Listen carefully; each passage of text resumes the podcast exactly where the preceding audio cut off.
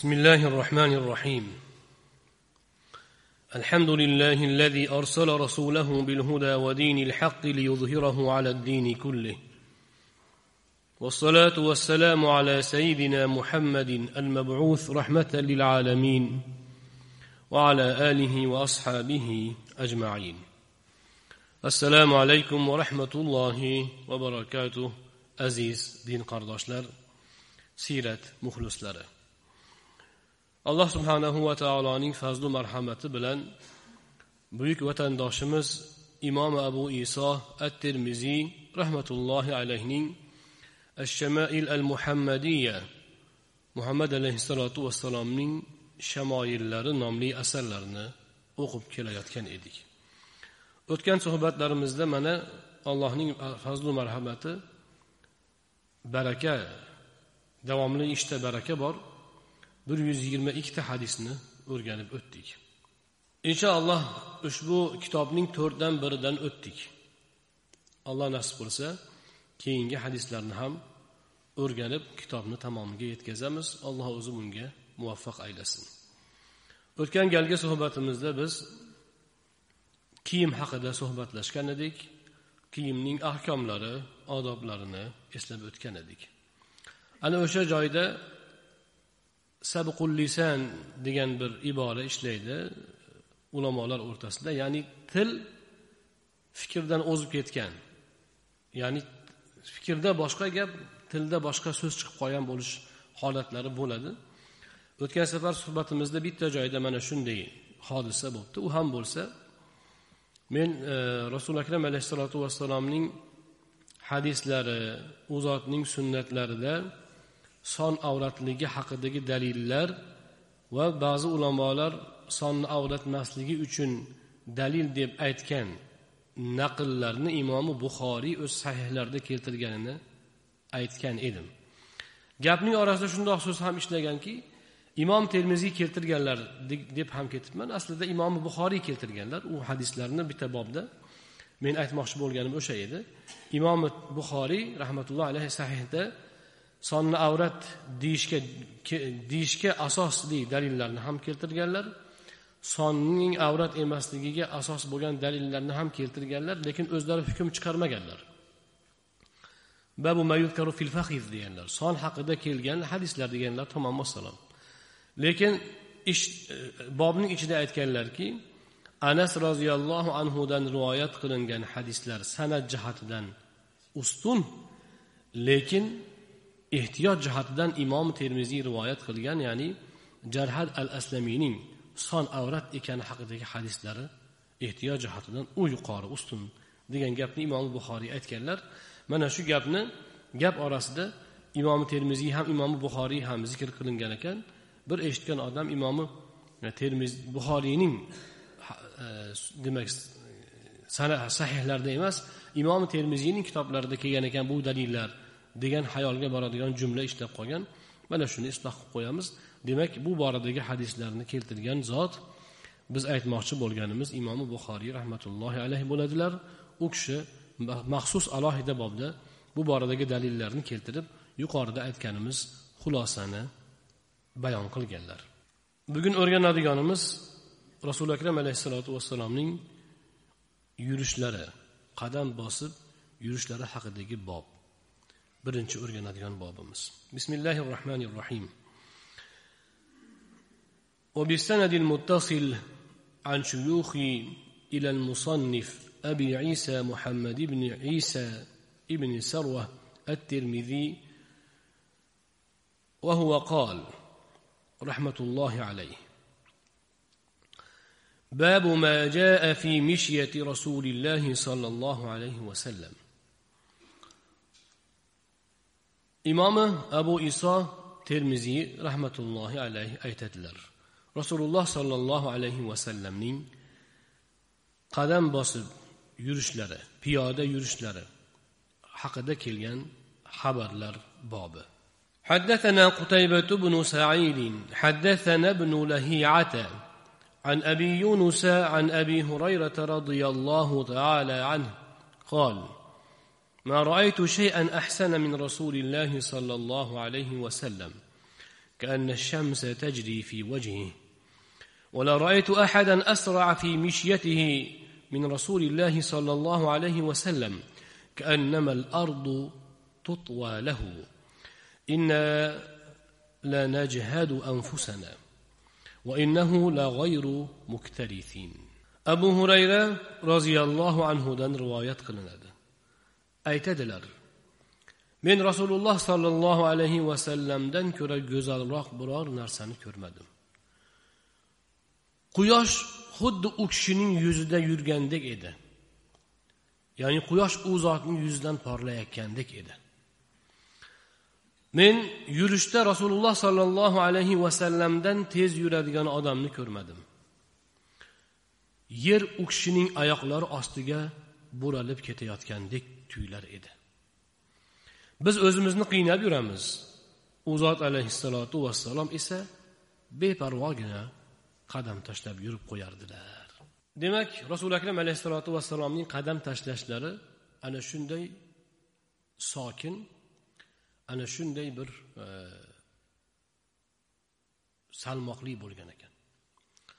Oldingi suhbatlarimizda ham eslab o'tganmiz. Payg'ambarimiz alayhissalotu vassalom yerdan oyoqni olayotganda uzib olganlar. Sudralib oyoqni sudrab olmaganlar. Lekin qo'yishda ohista qo'yganlar. Va qadamni yirik tashlaganlar.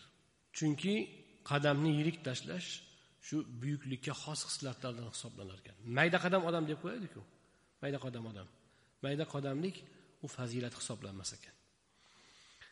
Imom abu e, e hazrati abu hurayra roziyallohu anhu aytadilarki rasuli akram alayhissalotu vassalom yurganlarida shunaqa bir ajoyib go'zal yurardilarki oyoqlari ostiga xuddi yer o'ralab kirib ketayotganga o'xshar edi ko'rinishdan bu degani ko'rinishdan o'zlarini qiynamay yurardilar lekin tez yurardilar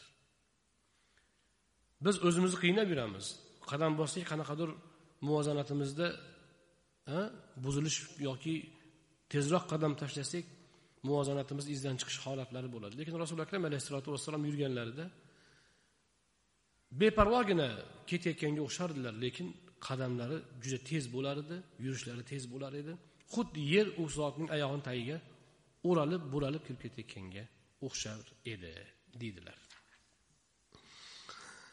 حدثنا علي بن حجر وغير واحد قالوا أنبأنا عيسى بن يونس عن عمر بن عبد الله مولى غفرة قال أخبرني إبراهيم بن محمد من ولد علي بن أبي طالب قال كان علي إذا وصف النبي صلى الله عليه وسلم قال كان إذا مشى تقلع كأنما ينحط من صبب. علي رضي الله عنه o'g'illaridan birlaridan rivoyat qilinadi. Hazrati ali roziyallohu anhu nabiy alayhissalomni vasf qilsalar aytar ekanlarki u zot alayhissalotu vassalom yurganda odimlab yurganlarida oyoqlarini yerdan uzib uzib yurardilar. Va xuddi tepalikdan tushayotgan insonni singari yurar edilar. Bu hadisni oldingi e, oldingi boblarda ham o'rganib o'tganmiz.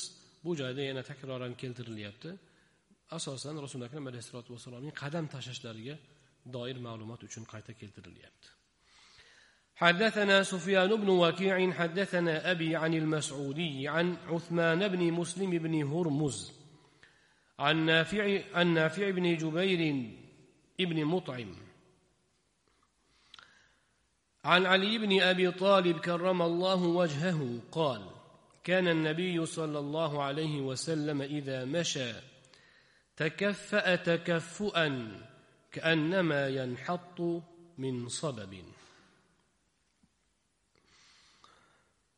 ali ibn abu tolib karramallohu vajhahu aytadilar nabiy sollallohu alayhi vasallam yurganlarida bir oz oldiga intilib oldiga munkib yurardilar xuddi tepalikdan tushayotgan odam singari demak payg'ambarimiz alayhissalotu vassalomning yurishlari kekkayib orqaga tashlab yurish bo'lmagan ekan. Ba'zi odamlar yuradi orqaga tashlab oyog'ini oldiga chiqarib oladi bu mutakabbirlarning yurishi ekan. Endi ba'zi odam yuradi. Juda bekarchiga o'xshab oyog'ini bir olib bir qo'yib sallalab yuradi masalanda bu yoq bu yoqqa o'zini tashlab. Bu endi dangasalik va loqaydlikning belgisi ekan. Eng chiroyli yurish eng mukammal yurish bu rasululloh sollallohu alayhi vasallamning yurishlari. Biroz oldiga munkigan xuddi tepalikdan tushayotgan odamni singari ko'proq nigoh qadam ostiga qaratilgan qaragan va oldiga intilib yuradilar qadamni yirik tashlanadi. Tashlaganda tez yurish ham mo'minning hayotini buzadi degan rasuli akram alayhissalotu vassalom. Tashlaganda tez yurilmaydi. Payg'ambarimiz alayhissalomning hadislari bor. Mo'minning tez yurish mo'minning hayotini uning salobatini buzadi deganlar. Tez yurish emas bu. Lekin chaqqonroq yurish. Qadamni katta tashlash lekin gavdaga qarab. Gavdaga nomutanosib qadamni katta tashlansa bunda muvozanat buziladi bunda chiroy ketadi. Balki balki inson o'zining savlatiga oyog'iga qadamiga hmm, mutanosib ravishda qadamni mayda qilmasdan yirikroq tashlab oldinga intilib yurishi va qadni tik ushlash bilan birga demak biroz oldiga xuddi tepalikdan tushayotgandek oldiga intilibroq yurishi mana shu sunnat yurish hisoblanar ekan bu yurish sunnat yurishi deganimiz qaysi ma'noda? Mana shu boblarda kelayotgan hadislar borku mana. Hozir keyingi bobda rasuli akram alayhissalotu vassalom bosh bosh kiyim ichidan lata qo'yganlari yoki oq do'ppi kiyganga o'xshash. Sallani ichidan boshqacha bir boshqa bir mato qo'yganlari haqida boblar keladi. O'tgan boblarda yana kiyinish haqidagi sunnat ko'rsatmalar keldi. Bular zavoid sunnatlar hisoblanadi. Ya'ni amal qilinsa rasuli akram alayhissalotu vassalomning siyratlari sunnatlari o'laroq amal qilinsa savob olinadi. Lekin agar bularga amal qilmasa bu bir e, katta bir nuqson hisoblanmaydi lekin kamolotga zid bo'ladi. Chunki payg'ambarimiz alayhissalotu vassalomning har bir harakatlari bu kamolot. Bu shariat emas. Masalan aytaylik qadamini maydaroq tashlagan odam bu shariatga zid yurdi sunnatga zid yurdi deyilmaydi. Bular talab qilingan sunnatlar emas. Lekin rasuli akram alayhissalotu vassalomning hayatlari sifatida o'rganiladi va shunga intililadi chunki kamolot shunda. Bu shar'iy jihatdan emas balki odob va ko'rinish jihatdan kamolot. Shar'iy jihat masalan namozning sunnatlari bor. Yana masalan masjidga kirishda o'ng oyog'i bilan kirish sunnatlari bor a? Bu alohida bular amal qilinishi talab qilingan sunnatlar. Lekin qadam bosishdagi hay'at kiyimdagi hay'atlardagi sunnatlar bular ular zoida qo'shimcha sunnatlar bo'ladi. Ularga amal qilgan kishi rasululloh sollallohu alayhi vasallamga muhabbat yuzasidan ergashish niyatida qilsa savob oladi. Va dunyodagi holati kamolot sari yuksaladi. Lekin amal qilmasa tark sunnat qilding degan malomatga qolmaydi. Ha lekin ovqat yeyishda chap qo'lda yesa tark sunnat qilgan bo'ladi. Suyanib hozir keladi mana suyanmasdan yeyish. Suyanib yesa tark sunnat qilgan bo'ladi. Bular bular sunnat amal qilinishi talab qilingan ya'ni ma'lum shar'iy maqsadlari bor. Sunnatlar hisoblanadi bularga amal qilish kerak. Va ularni tark qilgan kishi tark sunnat qilgan bo'ladi. Lekin kiyinishdagi hay'atlarni o'zgartirsa o'tgan safar ham aytdik masalan salla kiymasdan do'ppi kiysa yoki o'ziga oro berib sochini chiroyli olib yursa bular tark sunnat qildi deyilmaydi. Ya'ni tark sunnatga tark sunnat degan ta'naga qolmaydi. Lekin fazilatdan demak nuqsonga uchragan bo'ladi. Ana mana bu narsani biz farqlab olishimiz lozim. Toinki birovga e, bilmasdan dashnom berib qo'ymaylik. Sunnatlar bor odamlar zohir sunnatga e'tibor beradi. Ko'pincha ayniqsa oxirgi vaqtlarda shunaqa bo'lib qoldi. Zohir sunnat shariatni zohirga e'tibor katta. Soqol qo'yish masalan. Hm? Yoyinki salla kiyish yana ba'zi bir musulmon kishining hay'atidagi zohir sunnatlarga e'tibor beramiz. Yaxshi kerak. Bu ham o'z me'yorida bo'lishi kerak. Lekin botindagi sunnatlar bundan afzal sunnatlar bor unga e'tibor bermaymiz ko'pincha. Yana kamiga haligi yengil sunnat talab qilinmagan zoida sunnatni deb biz botindagi sunnatni oyoq osti qilib tashlaymiz. Masalan aytaylik birovni bir musulmonga ozor berish bu harom bu ozor berish. Yoyinki shariatda talab qilinmagan narsani o'zingizni didingizga moslab talab qilishingiz bu sunnatga zid bu. Shariatga zid shariatga tuhmat bu. Lekin siz talab qilasiz. Nega sizga shu yoqib qo'yadi shuni didingizni din qilib olasiz. Shunaqa odamlar bor. Masalan o'zini bir qarashi bor dinni shundoq tushungan shu mana shundan boshqa narsani qabul qilmaydi. Va shariat o'zi mustahab sanagan narsani xuddi vojibni singari talqin qiladi. E qilmasa bo'lmaydi undoqsan bundoqsan. Deydida o'sha bilan shariatga shariat mustahab sanagan narsani vojibga olib chiqib shariatga ziyodalik davosini qiladi. Bu mumkin emas bu bidat bu. Shu bilan birga botiniy sunnatlar bor. Masalan hasad riyodan saqlanish masalan hasaddan riyodan saqlanish. Insonlarga yaxshilikni ravo ko'rish faqat. Odamlarga kengchilikni istash qalban. Odamlarga muhabbat qilish mo'minni yaxshi ko'rish musulmonni sevish. Mana bu botiniy sunnatlar bir chekkada qolib ketadi. Yo'q. Qalb hasad ham bor qalbda riyo ham bor bug'z adovat ham hamma yoq bor. Lekin u bilan ish yo'qda tashqi ko'rinishni sunnatga muvofiq qilish bilan ovora. Bu hay'at noto'g'ri bu. Islom siz bilan bizga salla kiydirgani kelmagan.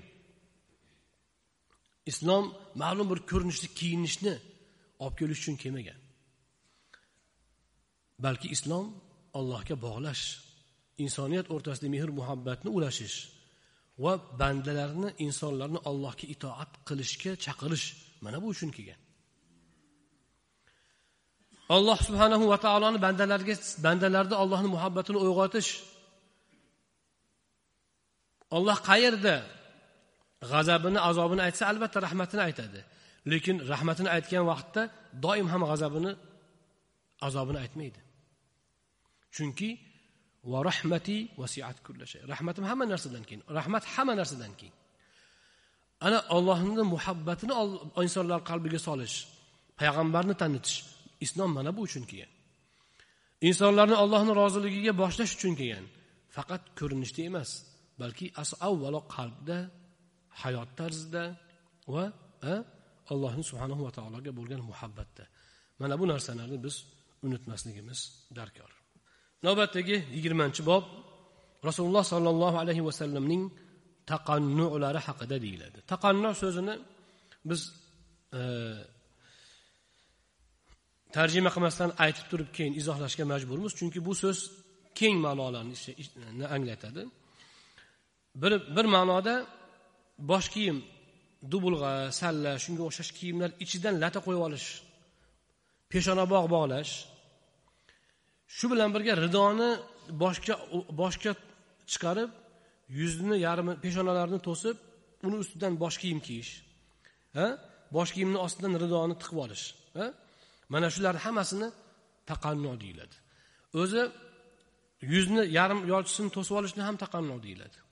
Sahihi buxoriyda xuddi mana shu bob so'z mana shu so'z aynan shu yuzni ko'proq e, boshni boshni boshga qo'shib yuzni ham bir qismini qo'shib yopib olish degan ma'noda ham keladi lekin imomi termiziy bu joyda keltirayotganda taqannuning bosh kiyim ostidan latta narsa kiyish yoki latta o'rash ma'nosini nazarda tutgan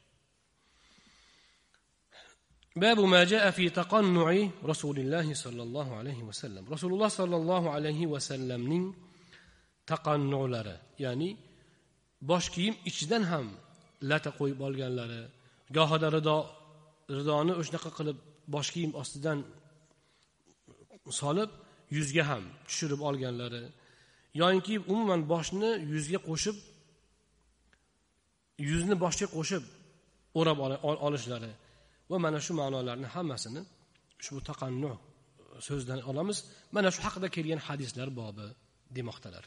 حدثنا يوسف بن عيسى حدثنا وكيع حدثنا الربيع بن الصبيح عن يزيد بن أبان عن أنس بن مالك رضي الله عنه. قال كان رسول الله صلى الله عليه وسلم يكثر القناع كأن ثوبه ثوب زيات. Anas ibn molik roziyallohu anhudan rivoyat qilinadi. Rasululloh sollallohu alayhi vasallam ko'p qino qilardilar ya'ni taqannoni ko'p qilardilar. Ya'ni ko'p ko'pincha bosh kiyim ostidan boshqa bir latta o'rab olganlari mana shunga o'xshash ridoni tashlab olgan holatlari ko'p bo'lar edi. Bu joyda asosan payg'ambarimiz alayhissalotu vassalom bosh kiyim ostidan ham latta o'rab olardilar. Peshonaboqqa o'xshash nima uchun desa o'sha bosh kiyimdagi yog'ni olish uchun. Yog' e, boshdagi sochlariga surtilgan yog'ni bosh kiyimga o'tkazmaslik uchun. Ana shunday e, ichki hozir ohdobni kiyamizku telpakni ichidan shunga o'xshash holat bo'lar edi va u zotning o'sha o'rab olgan latalari xuddi yog'chining latasiga o'xshab yoqqa belanib ketar edi deydilar. Anas ibn molik roziyallohu anhu navbatdagi bob rasululloh sollallohu alayhi vasallamning o'tirishlari haqida babu ma jaa fi jilsati rasulillahi sollallohu alayhi vasallam rasululloh sollallohu alayhi vasallamning o'tirishlari haqida kelgan hadislar bobi حدثنا عبد بن حميد حدثنا عفان بن مسلم حدثنا عبد الله بن حسان عن جدتيه عن قيلة بنت محخرمة أنها رأت رسول الله صلى الله عليه وسلم في المسجد وهو قاعد وهو قاعد القرفصاء. قالت فلما رأيت رسول الله صلى الله عليه وسلم المتخشع في الجلسة أرعدت من الفرق. Qayla binti mahramadan rivoyat qilinadi. U aytadiki rasululloh uning aytishicha u rasululloh sollallohu alayhi vasallamni masjidda ko'rgan ekan. U zot qurfuso o'tirishida o'tirgan ekanlar. Qurfuso degani mana bu kishi o'tirgan o'tirish. Mana shu yigit o'tiribdiku. E, demak orqani yerga qo'yib ikkala tizzani ko'tarib qo'l bilan quchoqlab tazarro bilan o'tirish kerilish holatda emas tazarro bilan mana shu holatda o'tirishni shuni qurfiso deydi. Ehtibo ham deb qo'yadi ehtibo ham ishlaydi mana shu o'tirishga lekin ehtibo ko'proq kiyim bilan bo'ladi. Ya'ni izorni ana shundoq yoki ridoni o'tkazib olib tizzani ko'tarib olish. Bu nimaga desa arablarda bir maqol bor ekan. O'shanaqa ehtibo yoki qurfuso qilib o'tirish arablarning devori deb qo'yishar ekan. Ular odatda ko'proq sahroda yurishgan suyanganda suyanishga suyanchig'i yo'q bel oladiku. Odatda belga nimaga suyaniladi? Belni dam oldirish uchun. Shu qo'lni tizzadan o'tkazib quchoqlab o'tirsa bel dam olar ekan. Suyangani singar. Arablarning devori mana shunaqa o'tirish qurfuso o'tirish degan ehtibo bilan o'tirish degan gap bor ekan. Rasuli akram alayhissalotu vassalom mana shundoq ham o'tirgan ekanlar o'tirar ekanlar.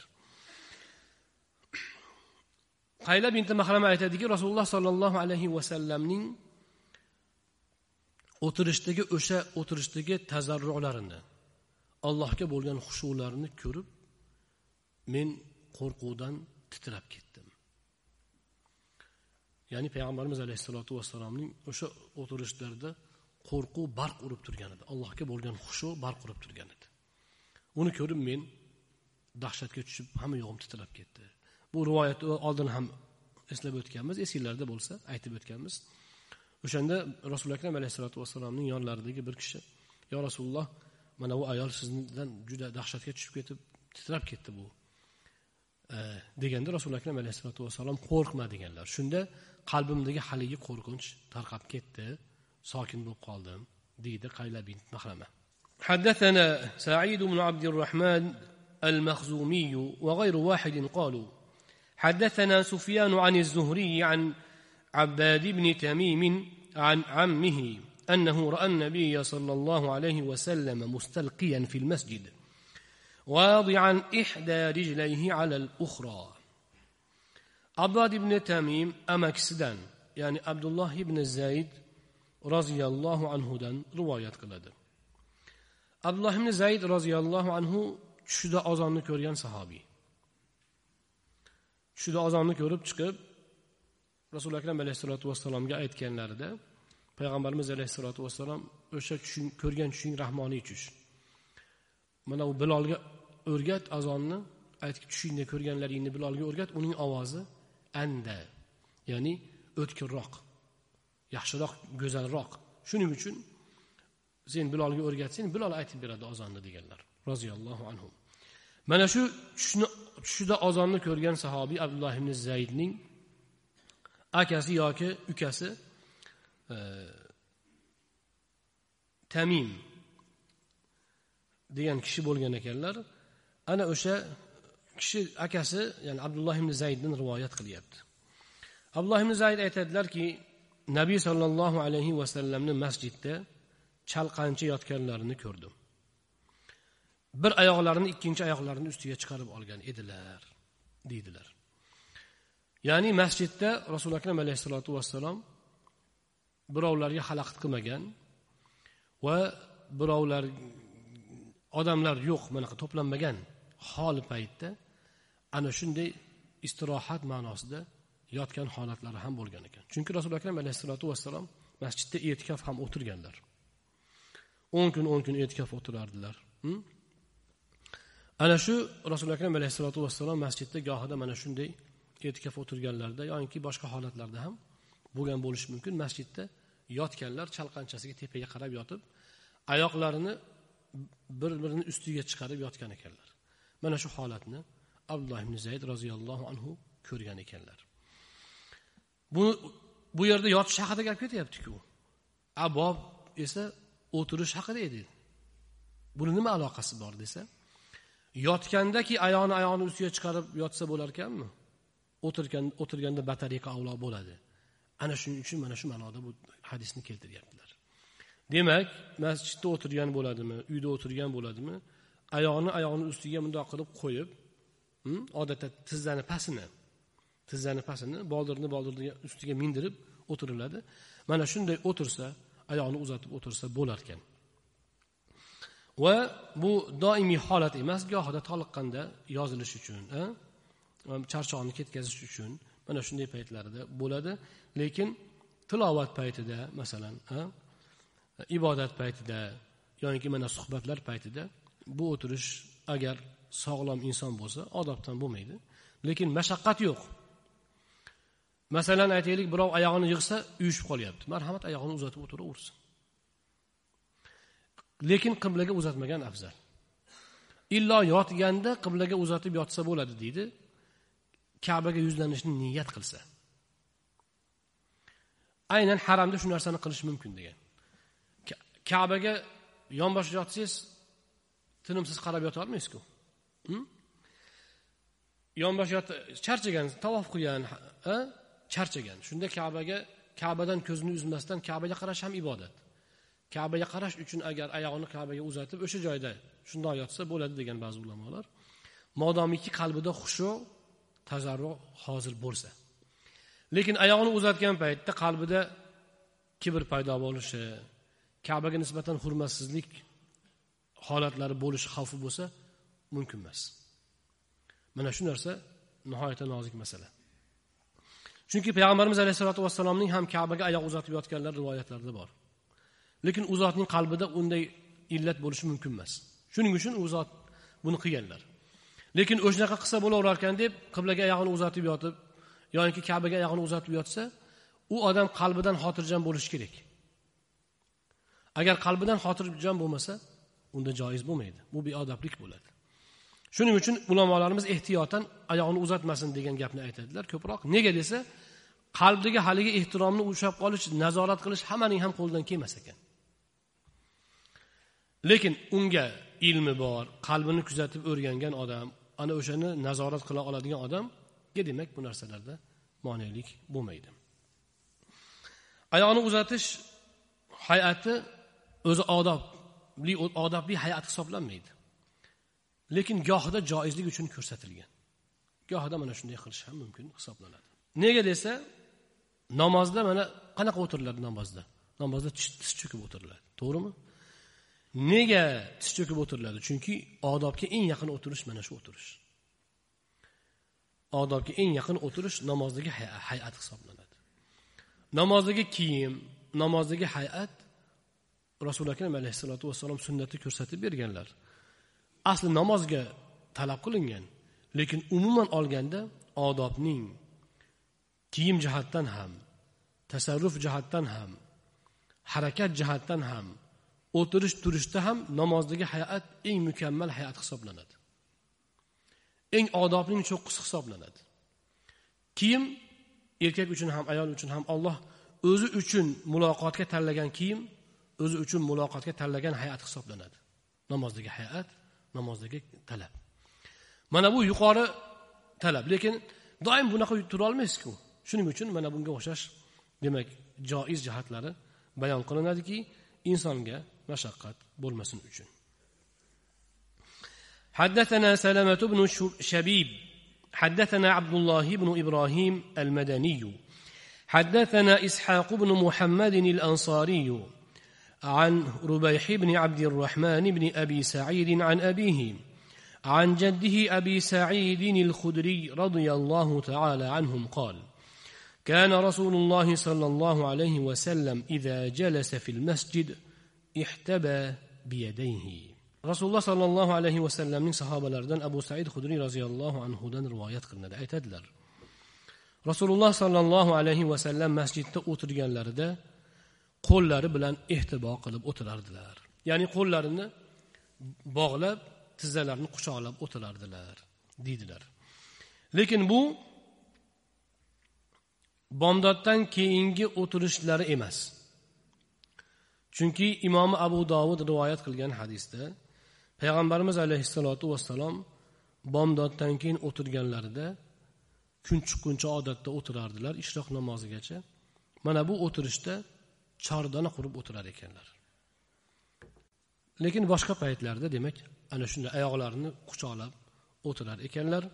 Bu odamlardan odamlarga muloqot qilmasdan ko'proq zikr bilan band bo'lgan paytlarga e, tegishli holat bo'lishi ham mumkin. Bu hadisga mana mana shu bilan bu e, bobdagi hadislar yakuniga yetdi. Bu hadis bu bobdan oladigan xulosamiz shuki demak sahoba ikromlar rasuli akram alayhissalotu vassalomning o'tirib turishlariga ham juda katta e'tibor berishgan ekan. Har bir harakatlari har bir sakanotlariga e'tibor berishgan. Va ana o'sha hay'atni davom ettirishga harakat qilishgan. Imkon qadar mana shunday qilishga harakat qilishgan intilishgan. Va bir kishi agar rasuli akram alayhissalotu vassalom shundoq o'tirgan ekanlar deb payg'ambarimizga muhabbatan mana shundoq o'tirsa savob oladi. Lekin ana unday bunday o'tirmasa u demak e, tark sunnat qilingan degan ta'naga qolmaydi. Bu chunki shariatdagi talab qilingan shar'iy amallar sarasiga kirmaydi balki zoida sunnatga kiradi. Mana shundan biz yana bitta narsani mana shu joyda aytib o'tamiz. Nimaga nega mana shu gapni aytyapmiz? Ya'ni bu o'tirish turishdagi sunnatlar zoida sunnat kim zoida sunnat deb atagan buni? Faqihlar.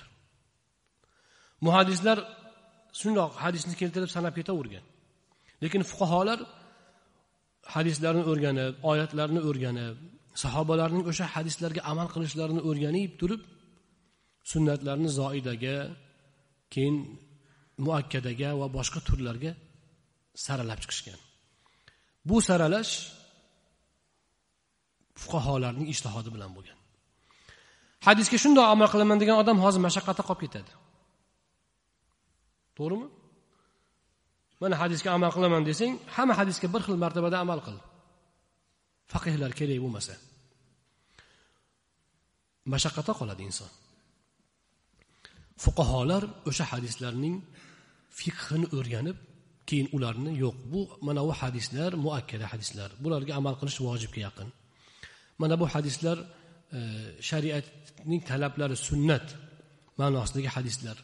Bularga amal qilish sunnat tark qilish tark sunnat bo'ladi.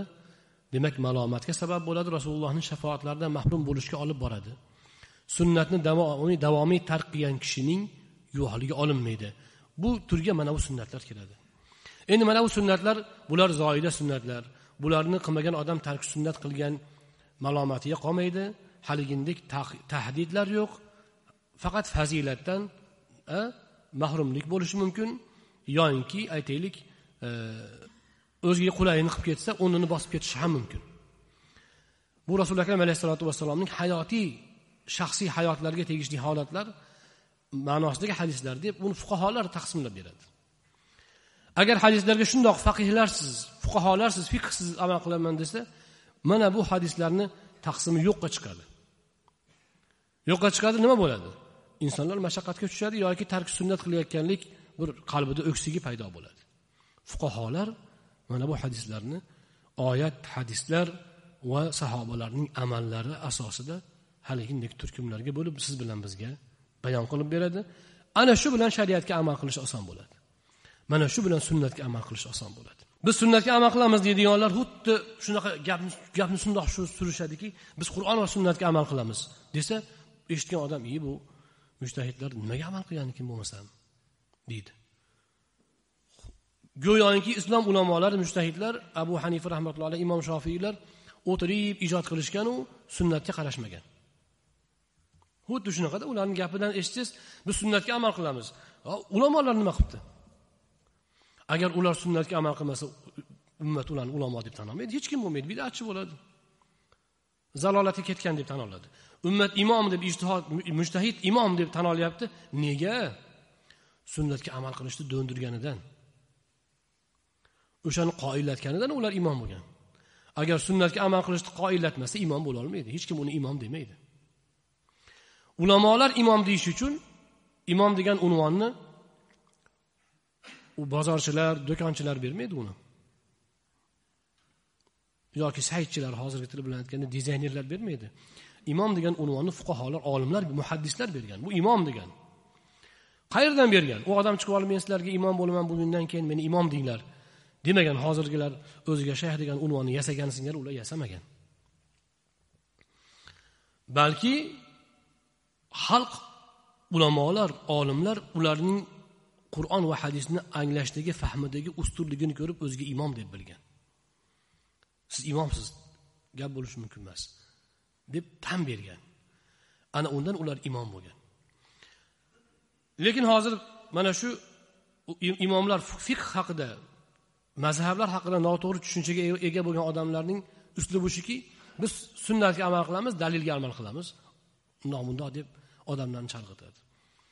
Baraka topgur o'sha ulamolar aynan sunnat va dalilga amal qilgandan ulamo bo'lgan. Biz nega sunnatga amal qilish da ularga murojaat qilyapmiz. Biz sunnatga amal qilmaymiz deyotganimiz yo'q. Ularga murojaat qilyapmiz. Shu sunnatga amal qilmoqchimiz. Tahsirlar shuni qanday tushunsak bo'ladi? Ana biz murojaatimiz shu. Biz abu hanifaga ergashyapti degani bitta abu hanifa rahmatullohi alayhi degan bitta odamga ergashyapti payg'ambar bu yoqda qolib degani emas u. Sunnatga amal qilmoqchi edik hazrati imom. Shu ba'zi bir hadislarni olmayapmiz ba'zi bir hadislar bir biriga zid ko'rinyapti. Biri biridan oldin keyin qaysi biri olmayapmiz qanday amal qilsak shunga desak u kishi bizga mana bu sunnatga bundoq amal qilinadi bunga bundoq amal qilinadi degan shu mazhab. Mazhab mana shu. Hech qachon o'zlaridan o'zlari o'tirib mayli hadis turgan bo'lsa hadisni bir chekkaga qo'yib qo'yib o'zidan o'zi o'tirib ijod qilmagan ular. Agar hadislar bir biriga zid kelsa ularni orasini muvofiqlashtirishga harakat qilingan. Agar muvofiqlashtira olmasa birini tanlashga majbur bo'lganda ilm bilan tanlagan. Hozirgilarni singari yoqib qolgani uchun qulay bo'lgani uchun emas balki ilm bilan. Ilm asosida tanlagan. Uni ilmi esa inshaalloh bir vaqti kelganda men niyat qilib turibman duo qilib turasizlar mana shu e, hadislarni um-, umuman qur'on hadis din ilmini o'rganish borasidagi tartibni inshaalloh alohida suhbatlarda bayon qilamiz. Inshaalloh bu mavzuda ana o'shanda batafsil to'xtalamiz.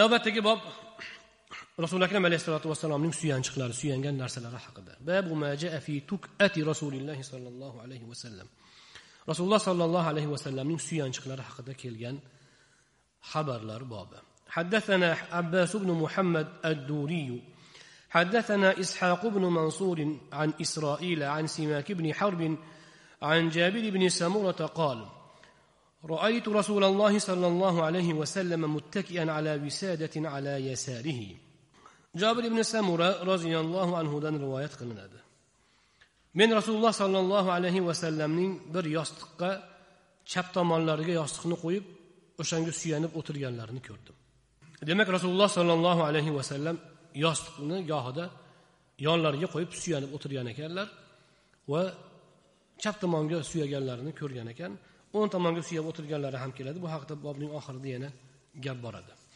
حدثنا حميد بن مسعدة حدثنا بشر بن المفصل حدثنا الجريري عن عبد الرحمن بن أبي بكرة عن أبيه قال قال رسول الله صلى الله عليه وسلم ألا أحدثكم بأكبر الكبائر قالوا بلى يا رسول الله قال الإشراك بالله وعقوق الوالدين قال وجلس, وجلس رسول الله صلى الله عليه وسلم وكان متكئا. قال وشهادة الزور أو, أو قول الزور. قال فما زال رسول الله صلى الله عليه وسلم يقولها حتى قلنا ليته سكت. عبد الرحمن بن أبو بكر أتسدن. ya'ni abu bakra roziyallohu anhudan rivoyat qiladi rasululloh sollallohu alayhi vasallam dedilar men sizlarga gunohlarning eng kattalarini aytib berayinmi ha albatta ey allohning rasuli deyishdi. U zot aytdilar allohga shirk keltirish ota onaga oq bo'lish dedilarda suyanib o'tirgandilar to'g'irlanib olib. Va yolg'on guvohlik yoki yolg'on gap dedilar.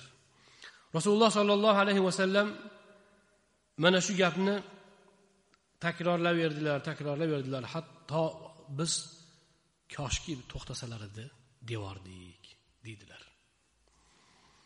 Rasululloh sollallohu alayhi vasallamning huzurlariga kelib sahobalar ta'lim olishar edi. Payg'ambarimiz alayhissalotu vassalom demak gohida ana shunday yonboshlab o'tirib ham ularga ba'zi bir hadislarni aytib berar ekanlar. Sizlarga eng katta gunohlarni aytib berayinmi deb gap boshlashlari odamlarning e'tiborini o'zlariga tortish uchun. Gapdan gap chiqib rasuli akram alayhissalotu vassalom mana shu gapni aytganlar. Payg'ambarimiz alayhissalotu vassalom zayd ibn sobit roziyallohu anhu aytadilar rasululloh alayhissalom biz bilan suhbatlashganlarida bozordan gapirsak bozordan tuyadan gapirsak tuyadan tarixdan gapirsak tarixdan gaplashib o'tirardilar. Hali ba'zi bir odamlar bor sal hayotiy gap gapirsangiz to'xta deb zohidlik qilib qoladi. Rasuli akram alayhissalotu vassalom unaqa odamlarni zeriktirmasdilar. Odamlar bilan odamlarni maishiy gaplari bo'lsa gaplashib o'tirardilarda orada dindan nasihat qilardilar. Mana shu hadisda ehtimol mana shunday holat bo'lgan bo'lishi mumkin. Gaplashib o'tirib u yoqdan bu yoqdan gap bo'lgandan keyin odamlar sal qalbidagini haligi gaplarni gapirib sal bo'shashib olgandan keyin keyin aytganlar sizlarga endi eng katta gunohlarni aytib beraymi eng birinchisi allohga shirk keltirish. Allohga shirk keltirish eng katta gunoh.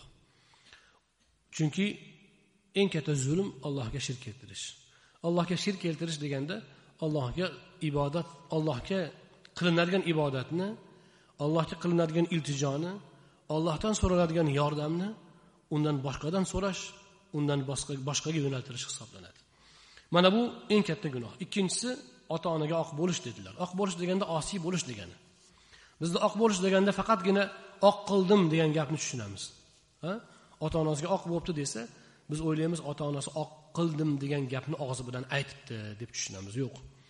Ota onaga oq bo'lish degani ota onani qattiq ranjitib osiylik qilish degani. U ota ona oq bo'ldim demasa ham oq qildim demasa ham ota ona oq qildim seni ko'k qildim demasa ham ota onani qalbini qattiq ranjitib ularga itoatsizlik qilish ota onaga oq bo'lish bo'ladi. Mana bu shirkdan keyingi eng katta gunoh ekan. Qur'oni karimda xuddi mana shu holatni ko'ramiz mana shuning misolini.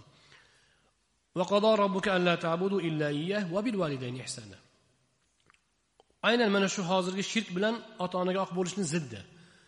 Olloh hukm qildi. Mengagina ibodat qiling va ota onaga yaxshilik qiling. Ko'ryapsizmi? Ota onaga allohga ibodat qilish yolg'iz o'ziga ibodat qilishdan keyingi o'rinda ota onaga yaxshilik qilish buyurilmoqda. Bu yerda esa o'shani aksi eng katta gunohlar deyilmoqda. Shirk birinchi eng katta gunoh ota onaga oq bo'lish. U undan keyingi katta gunoh hisoblanadi. Lekin bular ham ba'zi bir jihatlardan boshqa gunohlar oldida demak ba'zi bir jihatlardan quyi hisoblanar ekan u nima gunoh desa yolg'on gapirish. Qarang. Yolg'on guvohlik berish yolg'on gapirish haqida kelganda rasuli akram alayhissalom yonboshlab turgan joylardan o'tiribdilarda yana ba'zi rivoyatlarda keladi qasam bilan aytganlar.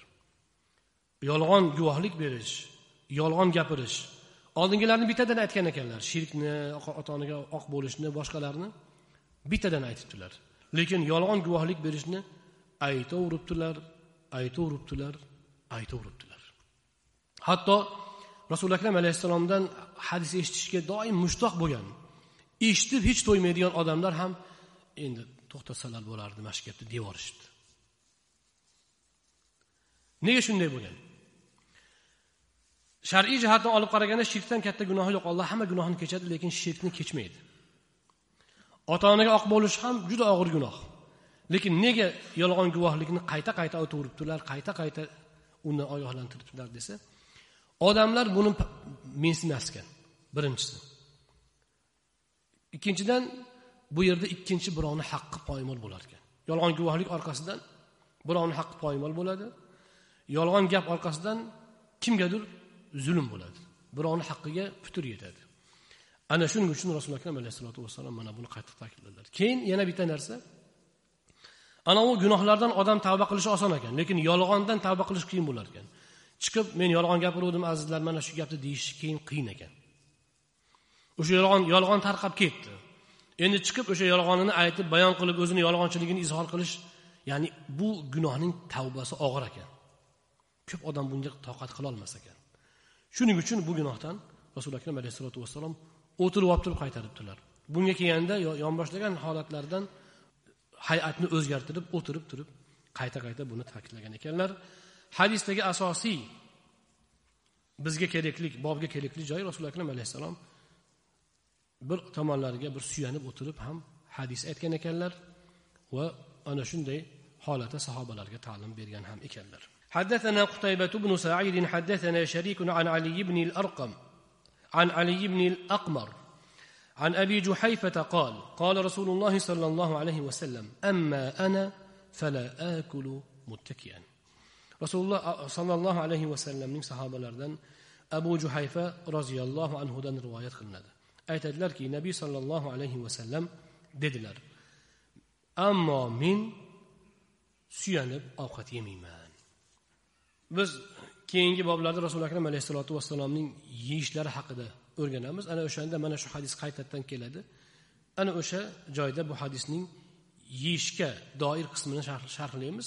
Hozirgi tegishli joy shuki rasuli akram alayhissalotu vassalom suyanar ekanlar lekin taomlanish vaqtida emas. Ana. Hozir oladigan foydamiz shu. Narsa yeyayotganda suyanishni yoqtirmas ekanlar buni istamas ekanlar. Ya'ni karih ko'rar ekanlar. Navbatdagi hadis حدثنا محمد بن بشار حدثنا عبد الرحمن ابن مهدي حدثنا سفيان عن علي بن الأقمر قال سمعت أبا جحيفة يقول قال رسول الله صلى الله عليه وسلم لا آكل متكئا. أبو جحيفة رضي الله عنه أتدلر رسول الله صلى الله عليه وسلم من سيان أوقات يميمان dedilar yoki men ovqatni suyanib yemayman dedilar حدثنا يوسف بن عيسى حدثنا وكيع حدثنا إسرائيل عن سماك بن حرب عن جابر بن سمورة قال رأيت النبي صلى الله عليه وسلم متكئا على وسادة. جابر بن سمورة رضي الله عنه روايات قلنا رسول الله صلى النبي صلى الله عليه وسلم كردم. bolishga suyanib olgan ekanlar ya'ni u zotni yostiqqa suyanib olgan holatda ko'rdim قال أبو عيسى لم يذكر وكيع على يساره. وهكذا روى غير واحد عن إسرائيل نحو رواية وكيع. ولا نعلم أحدا روى فيه على يساره إلا ما روى إسحاق بن منصور عن إسرائيل. إمامة أبو إيسا ترمزي أتدلر. وكيع chap tomonlariga degan gapni zikr qilmagan isroildan rivoyat qilganlarning ko'pchiligi vakiyga o'xshab rivoyat qilgan. Ya'ni chap tomonni aytmagan. Yostiqqa suyanganlar suyanganlarini ko'rdim degan chap tomon o'ng tomon degan gapni aytmagan. Va ishoq ibn mansurning isroildan qilgan rivoyatidan boshqa rivoyatda biz chap tomonga suyanganlari haqida gap kelganini bilmaymiz deydilar imomi termiziy rahmatullohi alayhi vaki bu imomi termiziyning ustozi yusuf ibn isoning ustozi hisoblanadi. Ya'ni bu yerda imom termiziy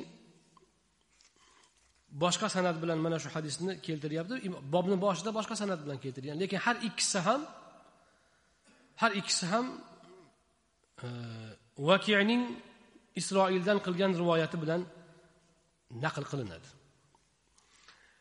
Oldingi hadisda birinchi hadisda vakiydan boshqa odam orqali rivoyat qilgan imom termiziy bu yerda ana o'sha oldingisida demak oldingi rivoyatda u kishi chap tomonga degan naqlni aytgan edi. Bu yerda esa yana vakiydan rivoyat qilyapti vakiy yana isroildan rivoyat qilyapti. Ya'ni ikkalasi nima u yog'idagi san'at bitta demoqchilar. Lekin faqatgina faqatgina ishoq ibn mansur isroildan rivoyat qilgan rivoyatni boshida keltirdi. Ana o'sha rivoyatdagina chap tomonga suyangan degan gap bor ekan boshqasida yo'q ekan. Biz bundan nimani tushunamiz? Imom termiziy mana shu joyda aytmoqchilarki chap tomonga suyanganlar deb qaytlanib qolmaslik kerak demoqdalar. Ana. Ya'ni o'ng tomonga borishni qo'ysa ham zarari yo'q degan ma'noni uqtirmoqchilar. Navbatdagi bob babu fi ittikai rasulillahi sollallohu alayhi vasallam rasululloh sollallohu alayhi vasallamning suyanganlari haqida kelgan hadislar bobi bu yerda endi faqat o'tirganda suyanish emas umumiy suyanish haqida gap ketadi حدثنا عبد الله بن عبد الرحمن حدثنا عمرو بن عاصم حدثنا حماد بن سلمه عن حميد عن انس رضي الله عنهم ان النبي صلى الله عليه وسلم كان شاكيا فخرج يتوكا على اسامه بن زيد وعليه ثوب قطري قد توشح به فصلى بهم anas ibn molik roziyallohu anhudan rivoyat qilinadi nabiy sollallohu alayhi vasallam bemorliklarida usoma ibn zaydga suyanib masjidga chiqdilar egnilarida qitli kiyim bor edi ya'ni qatardan keltirilgan kiyim bor edi Uni bo'yinlariga ilib olgan edilar. O'sha holatda odamlarga namoz o'qib berdilar. Bu hadisdan rasuli akram alayhissalotu vassalom yuribganda ham suyanganlari kelib chiqadi. Payg'ambarimiz alayhissalotu vassalom oxirgi hayotlarining oxirgi haftalaridagina bemor bo'lganlar. Mana shunaqa suyanadigan bemor bo'lganlar. Ungacha bu suyanadigan darajada bemor emasdilar. Hadisda aytilayotgan holat ham payg'ambarimiz alayhissalotu vassalomning vafotlaridan ikki uch kun oldingi hodisa. Usoma ibn zayd zayd ibn sobit o'g'illariga qo'llarini qo'yib qo'llarini o'shanga tiyanib chiqdilar. Egnalarida qitri qatardan keltirilgan kiyim bor edi. Kiyim deganda bu yerdagi kiyim rido. Mana bunaqa yengli kiyim bo'lmagan. Tavashshahabihi deyapti bo'yniga o'rab olish degani. Ya'ni mana hozir e, nima deydi? Turklarda ham borki borku shola deydimi? Shol. Shol deydi. Eng kiyim bo'ladi masalan bir metr enlikda yoinki undan sal kengroq undan e, sal torroq eng kiyim bo'ladi. Bo'yi uzun eniga mundoq yelkadan tashlab bo'yindan o'tkazib olinadi ana uni uzuni ham bo'ladi. U etakkacha tushadigani ham bor. Hozir arablarda mana shunaqa kiyimlar juda ko'p. Eng kiyim yelkaga tashlab oladi hm? bo'yindan o'tkazib tugib olsa ham bo'ladi. Bu uchini bu tomonga bu uchini bu tomonga tashlab olsa ham yelkada turaveradi. Ana shunday kiyim bilan odatda beldan pastga tushib turadigan kiyim bo'ladi. Ana shunaqa kiyim bilan chiqqanlarini aytilmoqda. Ana o'sha holatda namoz o'qib bergan ekanlar. Bundan tushuniladiki demak ana shunga o'xshash matoni yelkaga tashlab olish demak joiz bo'ladi. Yengi bor kiyim kiymabdiyu degan gap demak o'rinsiz bo'ladi. حدثنا عبد حدثنا عبد الله بن عبد الرحمن حدثنا محمد بن المبارك حدثنا عطاء عطاء بن مسلم الخفاف الحلبي حدثنا جعفر بن برقان عن عطاء بن أبي رباح عن الفضل بن عباس رضي الله عنهم قال دخلت على رسول الله صلى الله عليه وسلم في مرضه الذي توفي فيه. وعلى رأسه عصابة صفراء. فسلمت عليه فقال يا فضل قلت لبيك يا رسول الله. قال أشدد بهذه العصابة أشدد بهذه العصابة رأسي. قال ففعلت ثم قعد فوضع كفه على منكبي ثم قام فدخل في المسجد وفي الحديث قصة. Fazl ibn abbos roziyallohu anhudan rivoyat qilinadi. Abbos roziyallohu anhuning o'g'li abdulloh ibn abbos roziyallohu anhuning inilari hisoblanadi. Rasululloh sollallohu alayhi vasallamning huzurlariga kirdim. U zot vafot etgan kasalliklari chog'i edi. Ya'ni o'sha kasallik bilan vafot etgandilar. Boshlarida sariq peshonabog' bor edi. U zotga salom berdim. Ya'ni kirib salom berdim. U zot ey fazil dedilar. Men labbay yo rasululloh dedim. U zot mana bu peshona bog'ni boshimga qattiqroq bog'la dedilar. Ya'ni boshlarida og'riq bor edi istima bor edi. Boshimdagi peshona bog'ni qattiqroq tortib qo'y dedilar. Qattiqroq chugib qo'y dedilar. Shunday qildim. Keyin u zot alayhissalotu vassalom o'tirdilar. Demak yotgan holatda ekanlar o'tirdilar. Keyin meni yelkamga kaftlarini qo'ydilarda o'rinlaridan turdilar va masjidga kirdilar. Bu hadis haqida uzun qissa bor deydilar. Inshaalloh bu qissa payg'ambarimiz alayhissalotu vassalomning vafotlari haqida kelgan bob bor o'zi. Kitobning oxirida o'sha joyda batafsil keladi. Bu joyda oladigan foydamiz payg'ambarimiz alayhissalotu vassalom demak sahobalardan ba'zi birlariga bemorlik paytlarida qo'llarini qo'yib suyanib mana shunday yurgan ekanlar mana shu holatda masjidga chiqqan ekanlar. Allohim u zot alayhissalotu vassalomga salotu salomlarimizni o'zi yo'llasin.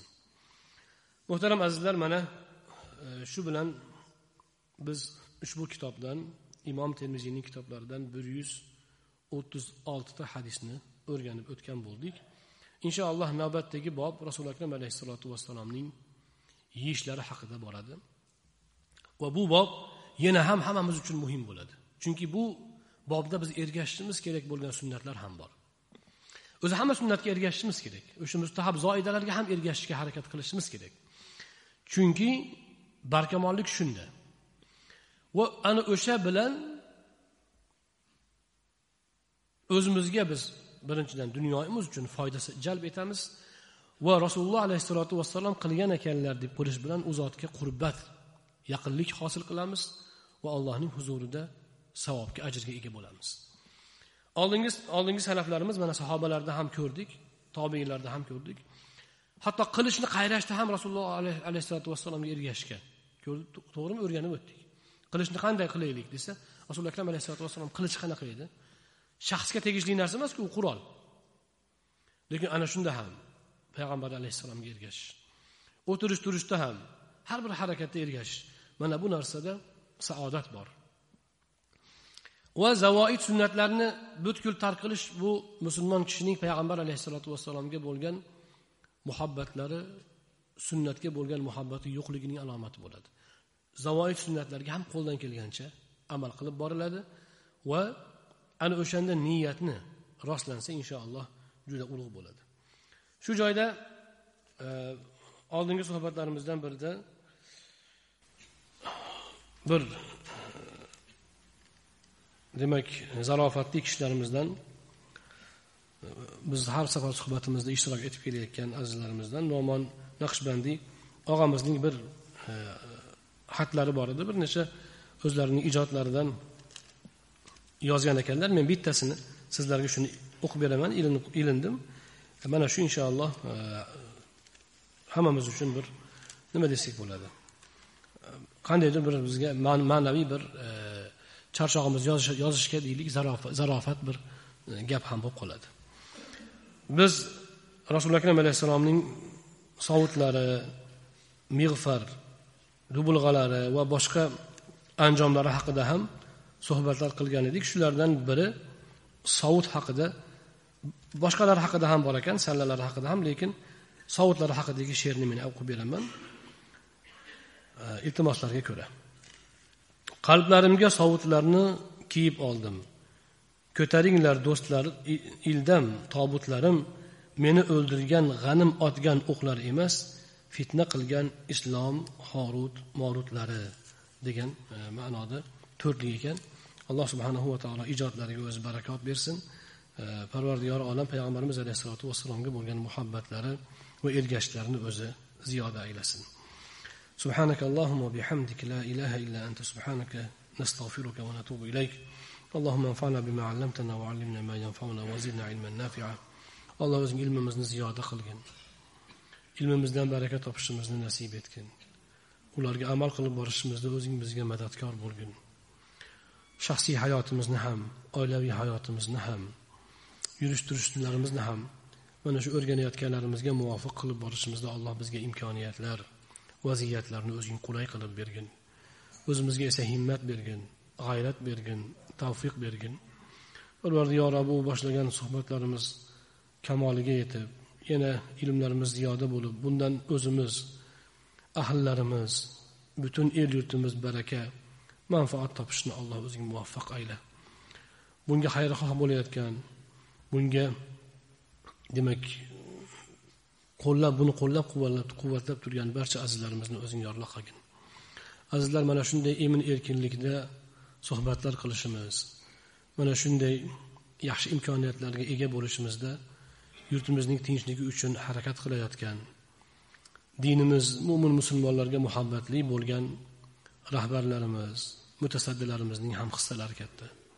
Parvardigori olam mana shu ishlarni barchasida bosh bo'lib turgan davlatimiz rahbari u kishini atrofidagi barcha aziz vatandoshlarimiz dinimiz mo'min musulmonlar g'amida harakat qilayotgan barcha yurtdoshlarimizni alloh o'zing yorla qilgin.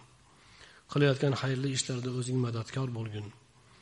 qilayotgan xayrli ishlarida alloh o'zing to'g'rilikni ko'rsatgin xalq uchun el yurt uchun mo'min musulmonlar uchun ulug' xizmatlarga alloh ularni hamisha muvaffaq ayla to'g'ri yo'ldan adashtirmagin وصلى الله على نبينا محمد وآله وأصحابه أجمعين يا أرحم الراحمين